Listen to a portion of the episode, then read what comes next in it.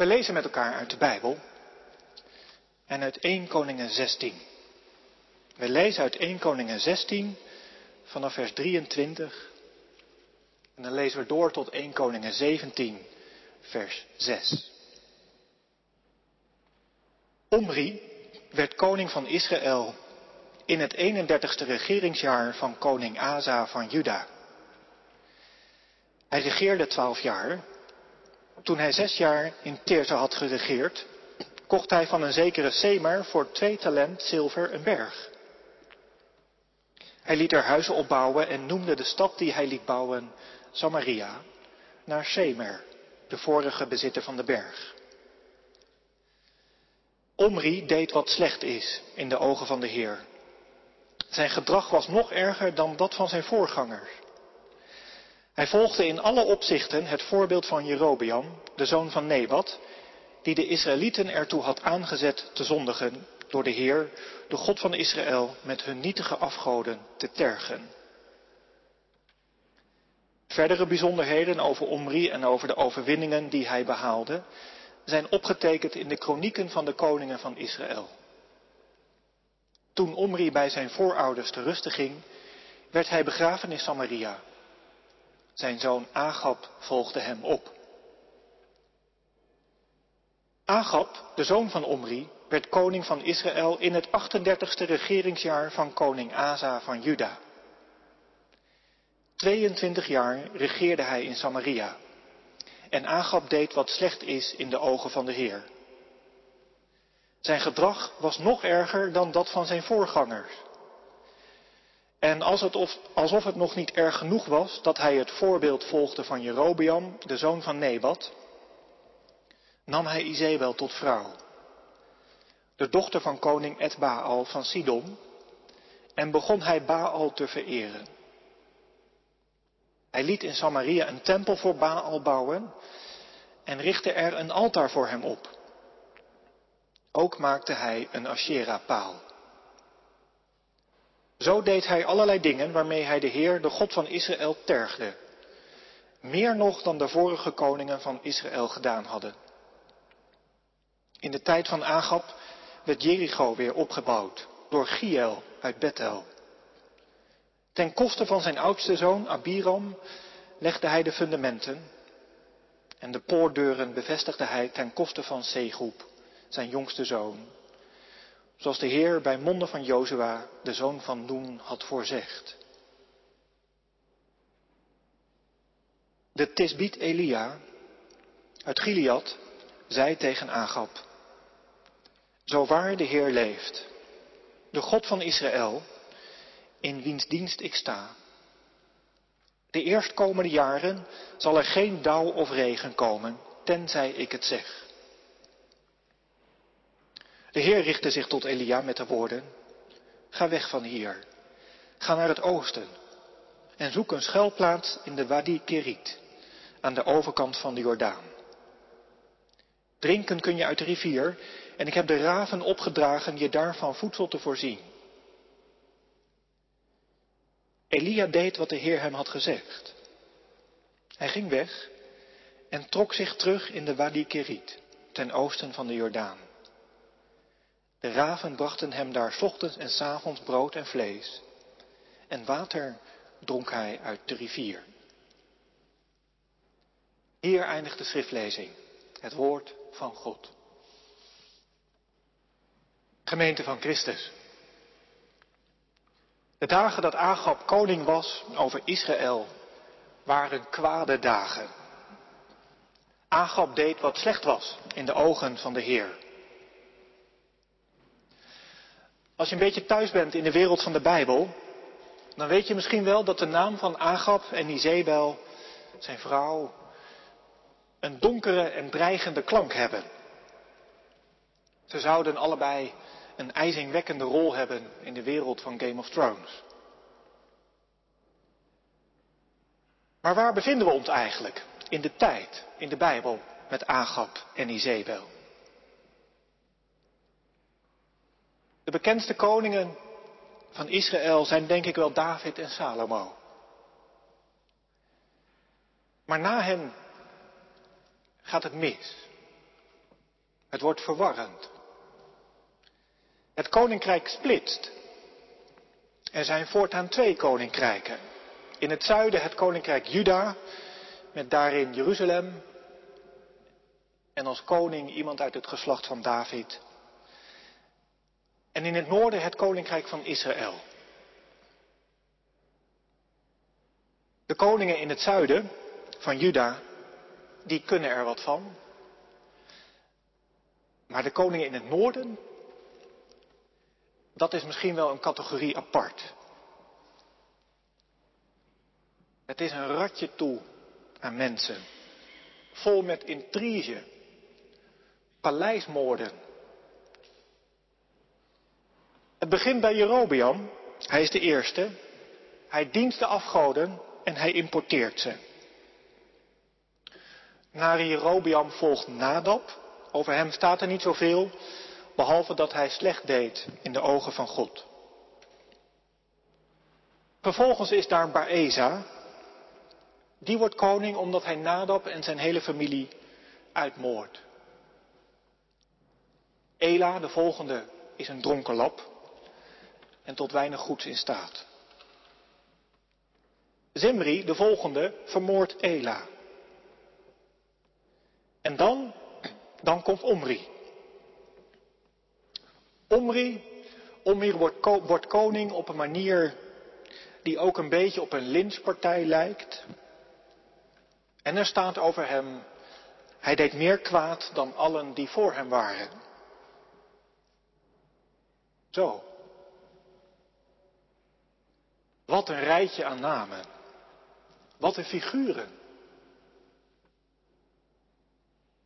Maar dan, na Omri, komt Agab nog. En Agab beschouwde het kwaad van zijn voorgangers als kleinigheid. Er staat dat hij hen overtreft. Alsof het nog allemaal niet genoeg was. Hij tergt God op ongekende en expliciete wijze. Hij trouwt Izebel. Een politieke move, dit huwelijk. Het smeet een alliantie, een verbond tussen Israël en Sidon, waar Izebel vandaan komt. Maar tegelijkertijd komen ook de goden van Sidon binnen. Baal. En Agab trouwt niet alleen een vrouw die Baal eert, maar hij gaat er zelf helemaal in mee. Hij eert Baal, hij bouwt een tempel. En daarnaast richt hij ook nog de Asherah-paal op, een andere godin. Die pakt hij er ook bij. En Agab levert zich helemaal uit aan die goden. Goden van de vruchtbaarheid.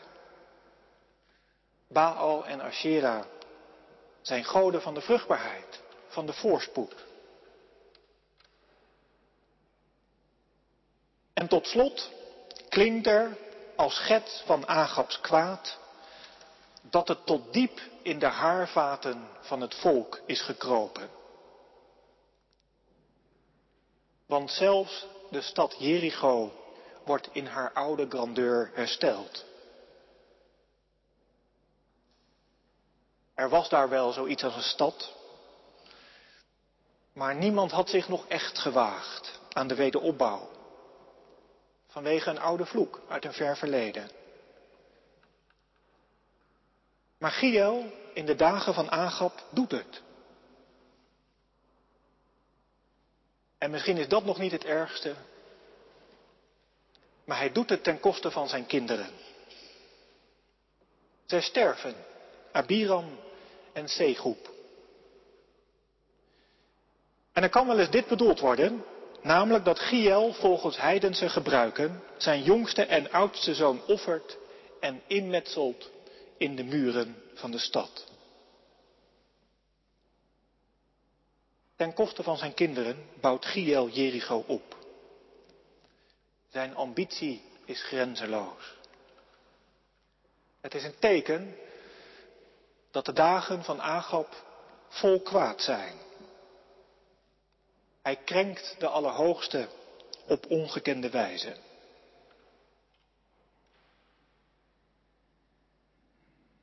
Maar dan? Dan komt er een vreemde man binnenlopen. Elia. Hij komt uit vreemde streken, uit Gilead, de overkant van de Jordaan. En hij komt eigenlijk uit het niets. Je hoort niet zoveel over hem. Je hoort niets over zijn roeping, zijn achtergrond, al die dingen waarin je geïnteresseerd bent. Ineens is hij er. Alleen zijn spreken valt op. En dat is natuurlijk precies de bedoeling. Zo waar de Heer leeft, de God van Israël, in wiens dienst ik sta, de eerstkomende jaren zal er geen dauw of regen komen, tenzij ik het zeg. Zo spreekt Elia tot Agab. En daarna is hij weg. Hij schuilt aan een beek op een afgelegen plek. Een profeet, een woord als een bliksemschicht die vol kracht inslaat en ook weer weg is. Een bliksemschicht die echt inslaat. Geen dauw en regen, zegt Elia. Die dauw en regen, daar slaat het in. En dat is precies waar het om gaat. Want Baal en Asherah zijn de goden van vruchtbaarheid, van voorspoed. En in een heet en droog land zijn dat dus de goden van regen en dauw. En nu zegt Elia dus, geen regen en dauw meer. Dat betekent droogte, dat betekent mislukte oogsten. Dat betekent instorten van de economie, instorten van de welvaart en de voorspoed, het succes. Alles waar Baal en Asherah voor staan, het wankelt. En alles waar Agap voor staat. Geen dauw en regen betekent dat zijn eigen positie wankelt. Want Agap heeft zich vereenzelvigd met die goden van regen en van dauw. Hij heeft zich uitgeleverd aan hen. In een verlangen naar grootsheid, welvaart, ambitie, succes. Hij zelf is de bemiddelaar en de hoeder van het succes geworden voor het volk. Zonder dat, zonder dauw en regen, worden de messen in de paleisgangen geslepen.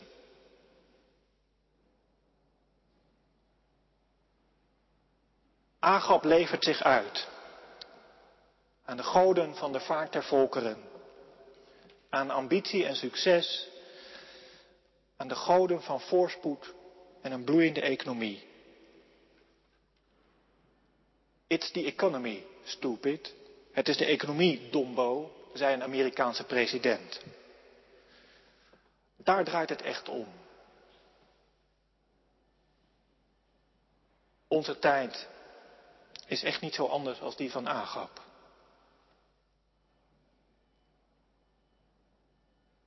Het kwaad van Agap. We hebben dat lijstje gelezen. Wat daarin genoemd wordt. Izebel, afgoden en dat wat onder hem zich wortelt in het volk. Jericho en die kindjes. Maar ik vraag me eigenlijk af of er iemand wakker van lag. Of men het wel doorhad. Of wie weet zagen ze het wel, maar deed het niemand echt wat. Want het domme feit is dit. Agabs regering werkte. Zijn formule werkte. We weten namelijk van historici en archeologen dat de tijd van Agab een bloeitijd was. Met buitengewone welvaart. Het ging eigenlijk wel lekker. Het land ligt er over het algemeen goed bij. Een tevreden volkje aan de zee. Maar ten koste van wat? Wie durft de vraag te stellen?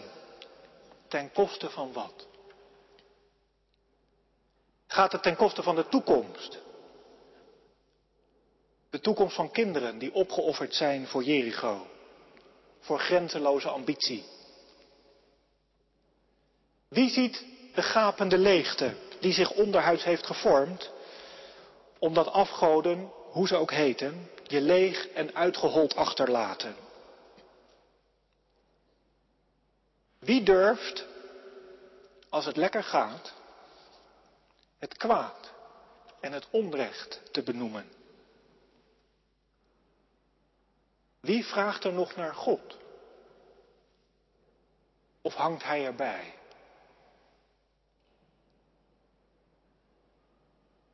Je voelt denk ik wel aan hoe zo'n oude tekst op die manier in onze tijd, in ons leven kan gaan klinken. Waar leveren wij ons aan uit? En ten koste van wat dan? Wat zien we niet meer? Wat doet ons niets meer? Zoals Agap en zijn volk zich uitleveren aan Baal en Asherah en ze niet meer zien het kwaad, de leegte.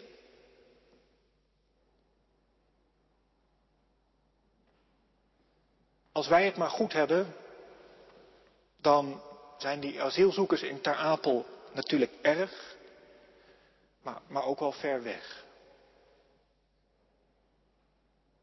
Of de levenswijze waar we in opgaan. Waar gaat die ten koste van? Van de toekomst van onze kinderen? Zoals Giel Jericho opbouwde ten koste van zijn kinderen?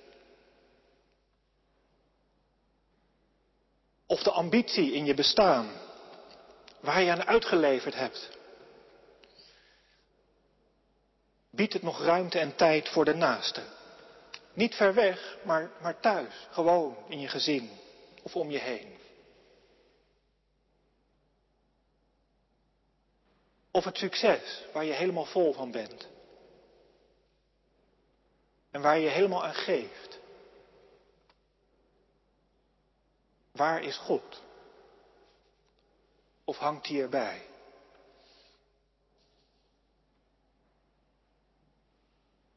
Er komt een vreemde man binnenlopen. Elia. En hij spreekt namens God die leeft. God is de levende. Baal en Asherah, of hoe ze ook heten, niet. God is de levende. En het initiatief van alles wat is, ligt in zijn hand. En hij trekt het naar zich toe in de woorden van Elia. Maar dat doet hij hier voor Agap door stuk te maken. Door op te breken. Door te zeggen, stop. Geen dauw en regen. Dat is geen succes meer en voorspoed. De goden onmondig. Agaps koningschap wankelt. De levenswijze van het volk wordt gebroken. Stop. Stop de gekte. Geen dauw en geen regen. Pas als Elia weer spreekt, zal het gaan regenen. Maar wanneer dat is, is open en verborgen. Alle vanzelfsprekenheid van een leven en een toekomst die maar doorgaat en niet op kan. Het is weg. God gooit het overhoop. Hij breekt het open. Stop.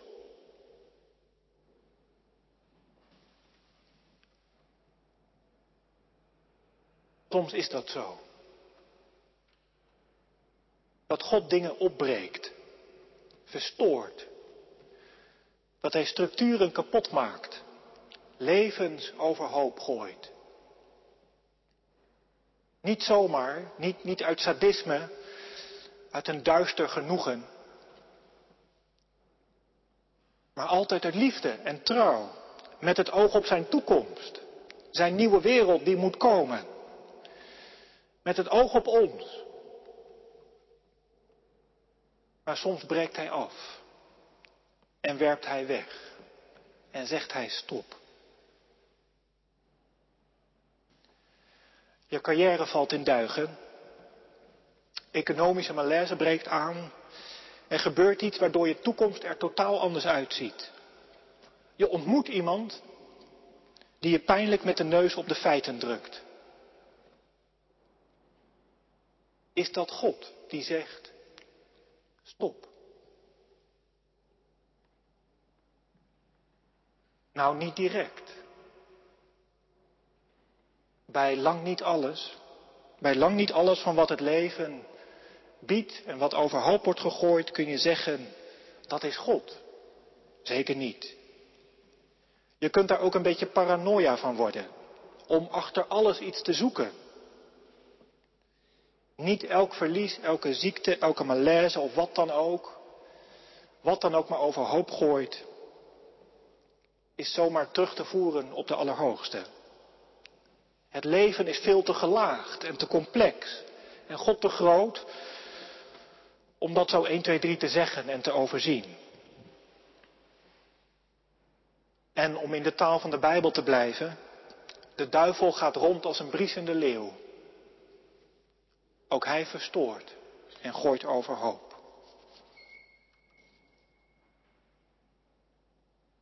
Maar soms, soms denk je wel dat het God is. Dat Hij je onderbreekt. En dat Hij overhoop gooit en zegt stop. Zoals Elia spreekt in Gods naam voor Agap. Stop. Je loopt vast in je werk. En misschien is het wel omdat je bevrijd moet worden uit een redrace waarin geen plaats is voor wat er toe doet.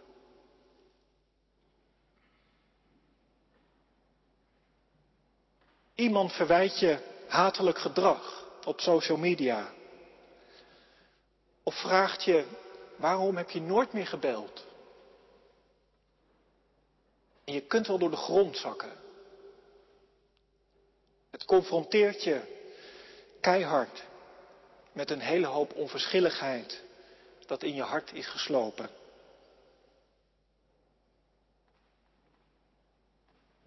Een onverwachte gebeurtenis verandert je toekomstperspectief totaal. Ineens ben je diep onzeker en tast je als kwetsbaar mens omhoog naar God. Je weet hem weer te vinden. Of Nederland belandt misschien wel in economische malaise en je bidt dat het jou niet treft. Natuurlijk, natuurlijk bid je dat. En dat mag ook. Maar misschien leert het je ook wel concentratie op wat van waarde is en matigheid.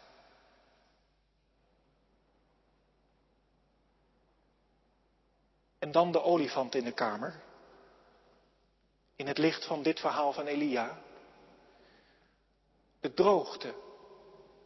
De hitte deze zomer. Je kunt het op allerlei manieren verklaren. Maar is het heel vreemd om juist op deze plek te zeggen, met de verhalen van Elia voor ons, dat in die droogte iets van God zelf tot ons kan komen. Dat iets van God hoorbaar wordt, die zegt, stop. Het kan niet. Jullie omgang met de goede schepping.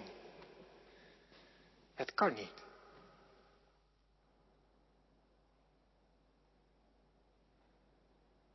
Stop. Ik las het verhaal van een gevangene die tot geloof was gekomen. Een klassiek verhaal. Die gevangene zei, mijn arrestatie was mijn redding. Hij werd gearresteerd, hij werd stopgezet. Zijn leven tot dan toe opengebroken. En hij zag dat als ingrijpen van God. Stop, gearresteerd, hardhandig weggebroken uit alles wat hem vertrouwd was. Vrienden, familie en zijn foute rijkdom kwijt. Maar in de gevangenis vindt hij een Bijbel en hij kan zijn ogen en oren niet geloven. Zo'n soort verhaal. Je kunt je misschien voorstellen dat God zo aanwezig komt in ons leven. En dat Hij je ineens of misschien wel langzamerhand stilzet. Wellicht denk je nu wel aan iets waarin dat gebeurde voor je gevoel. Misschien was het juist wel iets positiefs. Het besef van de overweldigende liefde van God die je deed beseffen te stoppen en op een ander spoor bracht. Of misschien is het wel dit verhaal van Elia, waarin je denkt, goede God, ik heb me aan iets uitgeleverd en ben dat waar het echt om gaat kwijtgeraakt. Mijn naasten, mijn God. Ik ben leeg. De liefde is weg, mijn hart is hard, mijn ziel is schraal. Wek mij tot leven.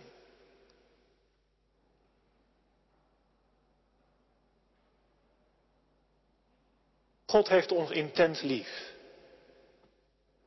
en is ons trouw door alles heen. En hij schept zijn toekomst van vrede en recht door alles heen. En hij breekt daar ook dingen voor af. In ons persoonlijk leven en in de tijd en de geschiedenis van de wereld. Vroeg of laat stopt hij en beëindigt hij wat tegen zijn nieuwe wereld strijdt.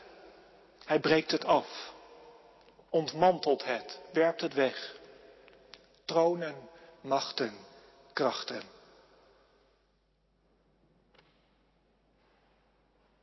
Ook vandaag voelen we de wereldorde aan alle kanten verschuiven. En voelen we enorme vragen op ons afkomen. Is dat God? Wie weet. In ieder geval staan wij er middenin.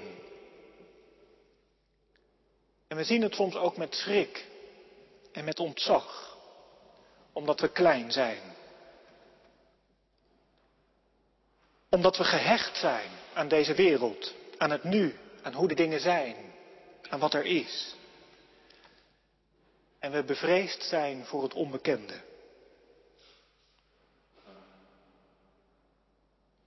Ik las een gebed dat dit verwoordde, dat gevoel. En dat neerlegt bij God. En met dat gebed eindig ik. Het gaat zo, vrij vertaald. Wij beleiden u dat we deze dag staan in het midden van uw geweldige, schrikbarende werk. We zullen wel moeten, omdat we toch niet anders kunnen dan er te zijn, terwijl u geweldig en ook schrikbarend werkt. We weten dat u eindigt en ontmantelt waarmee u helemaal klaar bent. We staan midden in uw werk, uw tijd, van vormen en afbreken, van toekomst en beëindigen. Zo aanwezig te zijn in uw werk en tijd, het voelt dubbel, omdat we koesteren wat u beëindigt. En we bang zijn voor het onbekende en wat u aan nieuws schept. Maar wij zijn uw mensen. En wij willen u vertrouwen. Overwin onze terughoudendheid, onze dubbelheid. Breek het af. Werp in ons weg wat moet. En neem ons mee in gerechtigheid, barmhartigheid en vrede. In de naam van Jezus Christus. Amen.